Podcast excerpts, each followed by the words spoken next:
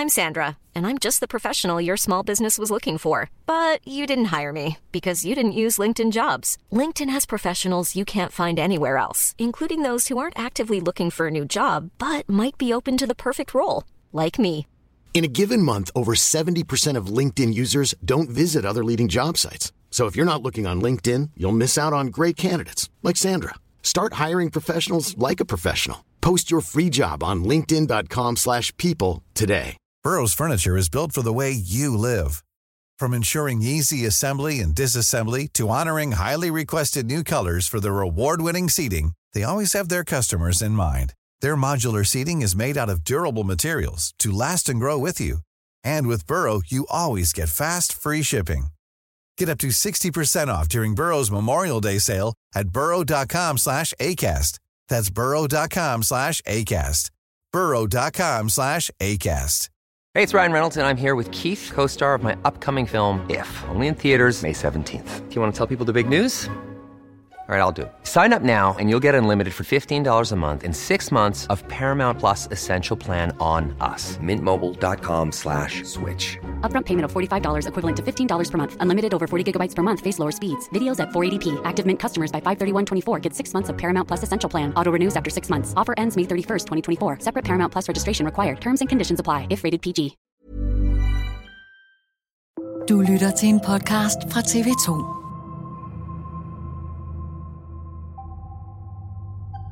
Og jeg gik jo meget rundt med den her ondt i maven fornemmelse, fordi jeg tænkte, uanset hvor godt jeg gør det i dag, så er der en meget, meget stor sandsynlighed for, at der er nogen, der giver mig lort alligevel for et eller andet. At jeg bliver skældt ud for et eller andet. At der er et eller andet, som jeg gør forkert, og så bliver jeg kaldt for en idiot. Og så handlede det egentlig bare om, hvor lidt lort får jeg i dag. Hvis jeg får lidt lort, så er det en god dag. Hvis jeg får meget lort, så er det måske ikke så god en dag.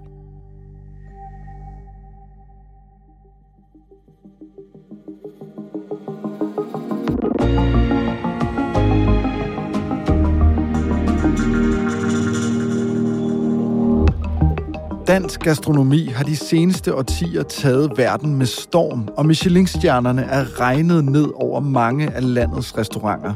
Og så fik Danmark her til aften et væld af nye Michelin-stjerner ved uddelingen i Finland.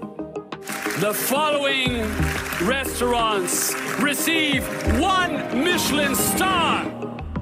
Men bag den glitrende facade gemmer sig en helt anden historie. TV2 Dokumentar har talt med flere end 70 tidligere og nuværende ansatte i fine dining-branchen. Og de tegner et billede af en branche med barske køkkenchefer, nedbrudte medarbejdere og en hård tone.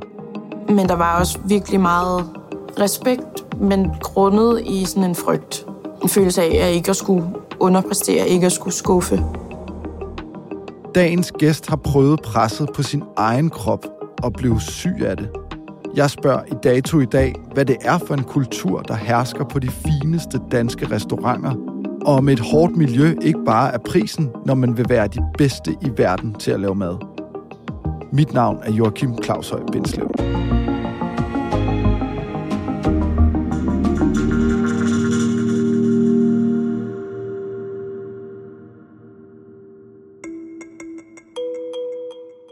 Ida, hvad var din rolle på de restauranter, du arbejdede på? Jeg var ansat som tjener på papiret, men havde også ansvaret for at producere og udvikle de ikke-alkoholiske drikkevarer til sådan en, en pairing, som fungerede ligesom en vinparring. Så når man har en set menu, som man kalder det typisk på de her fine dining restauranter, så kan du vælge mellem en, en flaske vin selvfølgelig, eller et glas vin. Du kan også få en vinparring, som så vil følge retterne og komplementere smagsnuancerne.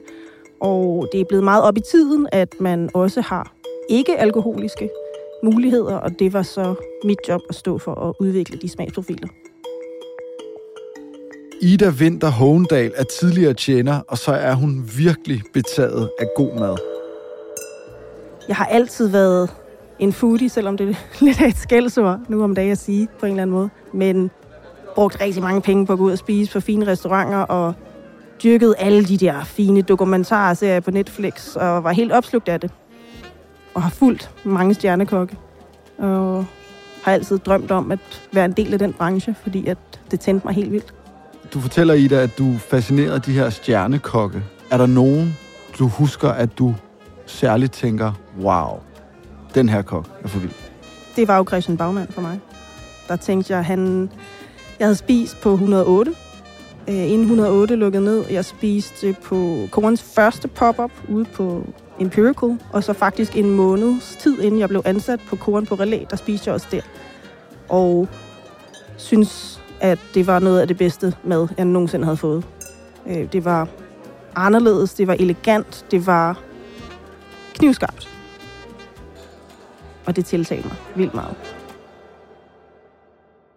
Sidste år blev Ida Winter Hågendal ansat på de københavnske restauranter Koan på Relæ og Juju. Hun søgte job på restauranterne, fordi hun var fascineret af køkkenchefen og hans vision for madlavning. På det her tidspunkt, der så jeg sindssygt meget op til ham. Øhm, den måde, som han bar sig selv på i restauranten, øh, når man spiser, men også på de sociale medier især, var jo et billede af en meget ydmyg og rolig og tilbageholdende mand, som havde det her massive talent. Og det var enormt tiltalende og attraktiv på en eller anden måde, og han var jo en, en stor held i mine øjne. For os, der ikke kender den her fine dining scene så godt, alle de her Michelin-restauranter, de her personer, hvor stor en kanon er Christian Baumann i den verden? En ret stor kanon, vil jeg sige. En ret stor kanon. Når du fortæller, Ida, om hvor meget du ser op til Christian Baumann på det her tidspunkt, så virker det nærmest som om, at du bliver helt berørt af det. Ja, fordi det har været en del af den stjernestatus, som har været med til at gøre, at jeg blev der så længe, og at jeg accepterede nogle ting og nogle grænser, der blev overskrevet, som ikke skulle være blevet overskrevet. Så det er jeg måske lidt skuffet over mig selv over, at fordi at jeg så så meget op til ham, så fik han lov til at opføre sig på en bestemt måde. Det blev ligesom accepteret fra min side af, og fra mange andres. Christian Baumann er en af de klareste nye stjerner på den danske gourmethimmel. Hans CV tæller blandt andet ansættelser på Michelin-restauranterne Noma og Nomas nu lukkede søsterrestaurant, der hedder 108. I dag er Bagmand ejer og køkkenchef på den tostjernede Michelin-restaurant Koan. En af restauranterne er gået direkte fra 0 Michelin-stjerner til 2. Det drejer sig om den koreansk inspirerede restaurant Koan i København. En af bare 10 danske restauranter, der har mere end én Michelin-stjerne. Da du så får det der drømmejob på den her restaurant, der er på vej frem, hvad forventede du på det tidspunkt? Jeg gik ind til jobbet med en forventning om, at jeg også vidste, at det ville være andre vilkår, end hvad jeg havde været vant til, og jeg vidste udmærket godt, at det ville blive hårdt og krævende. Men jeg var ambitiøs, og det var ikke noget, der afskrækkede mig.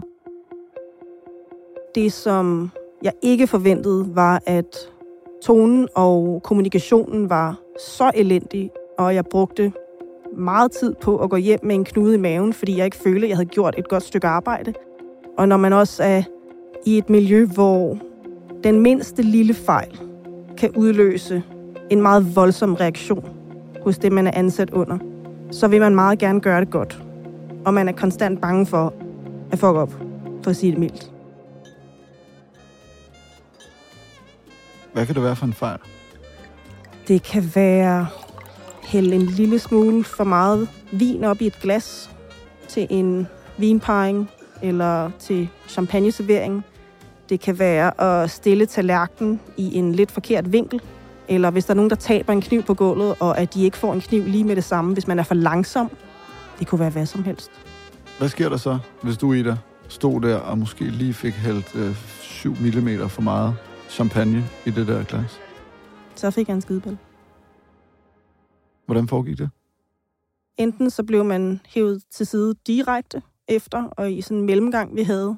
Øhm, eller også så foregik det efter service. Nogle gange begge dele. Afhængig af, hvor meget de nu lige synes, man havde gjort forkert den dag. TV2 Dokumentar har talt med seks personer, der har arbejdet under Christian Bagmand. De fortæller uafhængig af hinanden om et utrygt arbejdsmiljø præget af frygt for at begå fejl, og om køkkenchefens voldsomme temperament, som han lukker ud over de ansatte. En af de tidligere ansatte er Masiek Oleksi, der var praktikant på restaurant 108. Han fortæller om en episode, hvor Christian Baumann var utilfreds med aftenens indsats og gik rundt blandt de ansatte, kiggede dem i øjnene og råbte, fuck dig, fuck dig, fuck dig, fuck dig. En ung kok fortæller, at bagmand engang skældte ham ud i over 10 minutter for en mindre fejl, og at bagmand sagde til kokken, at han skulle passe på restaurantens tallerkener, fordi de var langt mere værd, end han var. En sætning, der blev brugt rigtig, rigtig meget, det var, det er ikke godt nok, det er ikke godt nok, det er ikke godt nok. Nærmest banket ned i hovedet. Det, det er svært, når man gør sit bedste. Hvad er der så for nogle konkrete situationer med Christian Bagmand, du har? Et eksempel var kort tid inden jeg sagde op, hvor at jeg blev hævet ud i ligesom et af baglokalerne. Det er ikke et baglokale, det er en del af restauranten.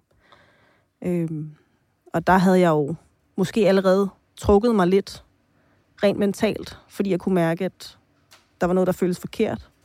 Og jeg også havde det ret skidt øh, i forhold til mit helbred. Og han spurgte mig ind til, hvorfor jeg ikke opfører mig normalt, og at jeg blev nødt til at sige til ham, hvad der foregik med mig, og det var en meget sådan aggressiv samtale, og jeg havde ikke lyst til at tale med ham, og han havde heller ikke krav på at spørge mig ind til de her ting. Og da jeg nægtede at svare, så blev han endnu mere hissig og aggressiv, og sad reelt set og viste tænder af mig. Og jeg er ikke engang sikker på, at han er klar over, at han gjorde det, men ligesom når en hund knurrer, hvor hele tandsættet kommer frem. Øh, det er sådan ret voldsom måde at sidde over for, for sin chef, som man ikke rigtig kan finde ud af at, at sige noget til, fordi at ens svar ikke er godt nok. Altså, det var uacceptabelt for ham, hvis jeg ikke fortalte ham, hvad der foregik med mig. Hvad gjorde du så? Jamen, jeg endte med at forlade samtalen. Øhm, det virkede han meget utilfreds over, at jeg gik. Og jeg sagde, så er vi vel også færdige og forlod bordet. Og efter det, der nægtede han at tale til mig i, i hvert fald en uge. Altså, han går bare forbi dig? Eller hvordan foregår det sådan helt lavpraktisk? Altså, han siger ikke goddag eller farvel til mig. Han siger det specifikt til alle de andre, der er i lokalet, men ikke til mig. Altså, det er sådan lidt folkeskoleagtigt, ikke? Hvordan ender det så for dig? Har en lægeaftale, fordi jeg havde det rigtig, rigtig skidt, og måtte akut til lægen. Og lægen så vælger at sygemelde mig med det samme, og siger, du kommer ikke tilbage på arbejde lige forløbig. Og mens jeg er sygemeldt, gør jeg meget hurtigt op med mig selv, at jeg ikke er interesseret i at komme tilbage og arbejde under de forhold. Hvordan foregår så opsigelsen? Altså ringer du til Christian og siger, ved du hvad, det var det?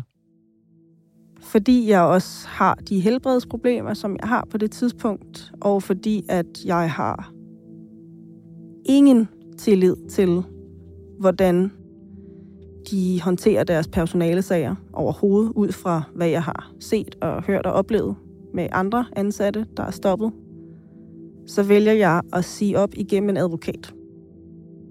Hvordan er perioden så bagefter? Altså, at du har sagt farvel gennem en advokat? Ængstelig. Efter jeg kommer lidt mere ovenpå og ligesom er, er i stand til at komme lidt ud og bevæge mig rundt i, i København igen, så bliver jeg ramt af rigtig meget, rigtig meget angst. Der er rigtig mange steder, jeg ikke har lyst til at gå hen eller tør befinde mig. Fordi der er sådan en konstant frygt for at løbe ind i ham eller eller andre, som jeg ikke har lyst til at løbe ind i. Men øh, det har jeg kæmpet mig ud af nu, synes jeg. Sidste år vagte genlyd, da den tidligere tjener og sommelier Lisa Lind Donbar stod frem og fortalte om krænkelser, hun havde oplevet gennem en årrække på en lang række danske toprestauranter.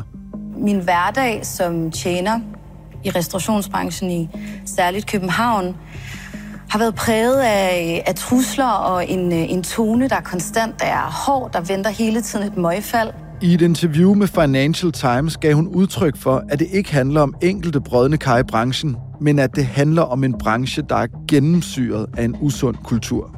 TV2 Dokumentar har talt med flere end 70 tidligere og nuværende ansatte i fine dining-branchen. Kilderne tegner et billede af en branche, der generelt er præget af en hård tone, stress og problematiske arbejdsvilkår. Man bevæger sig i, i frygt. Man er bange for, at det går galt.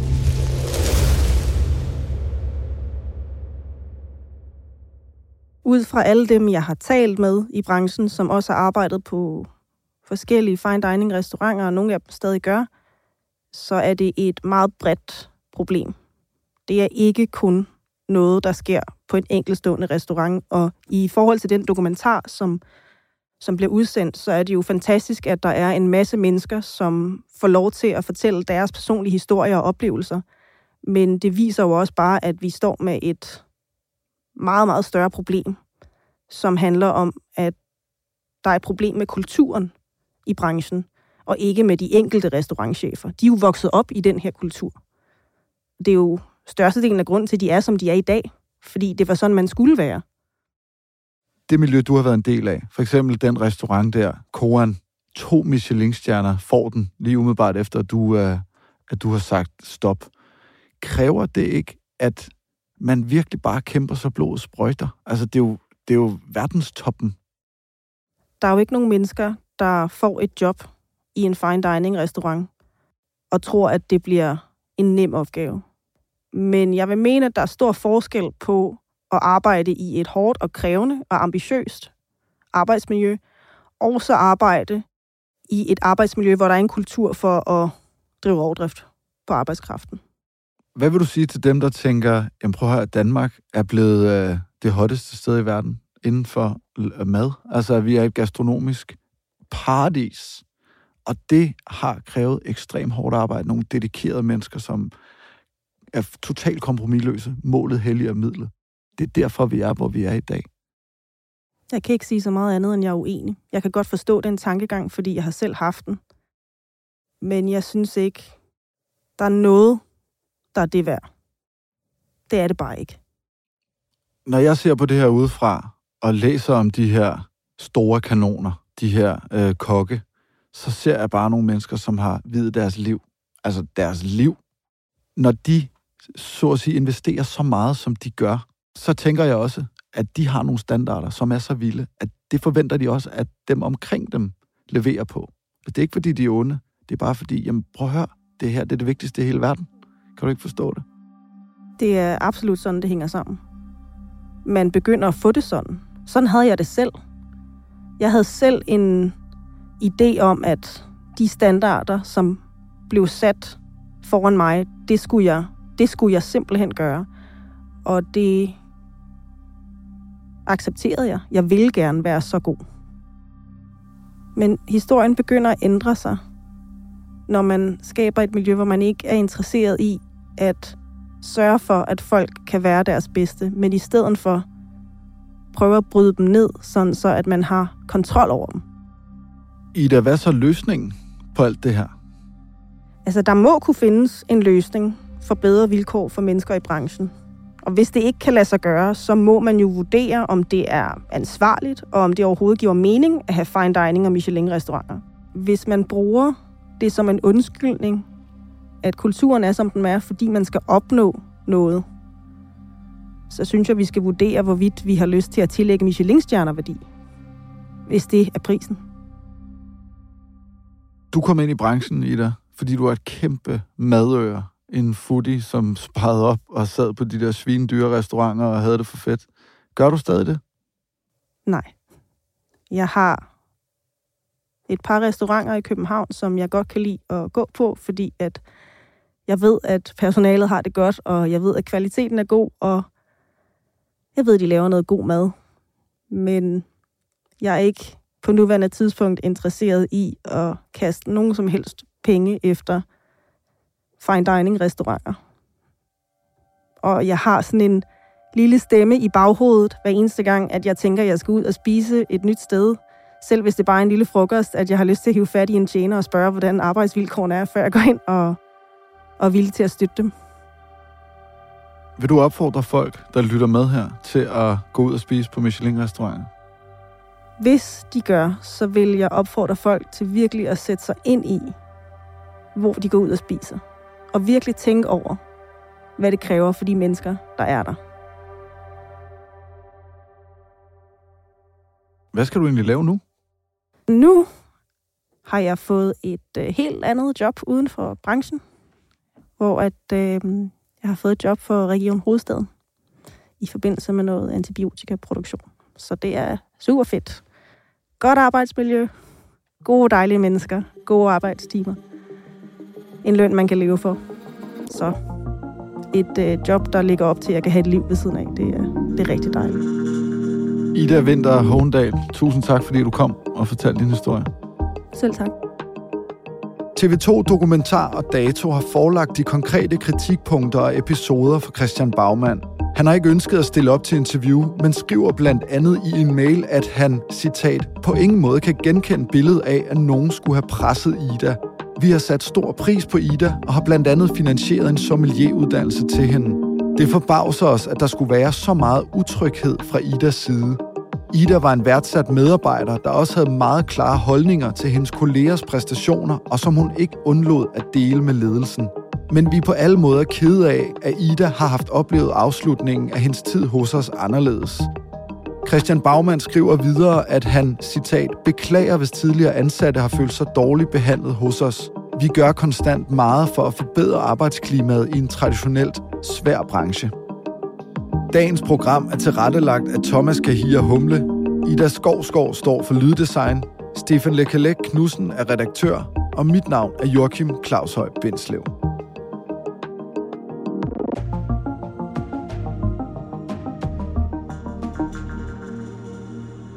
Du kan se dokumentarprogrammerne Den Bitre Smag af Michelin på TV2 Play og det første program i aften kl. 20 på TV2.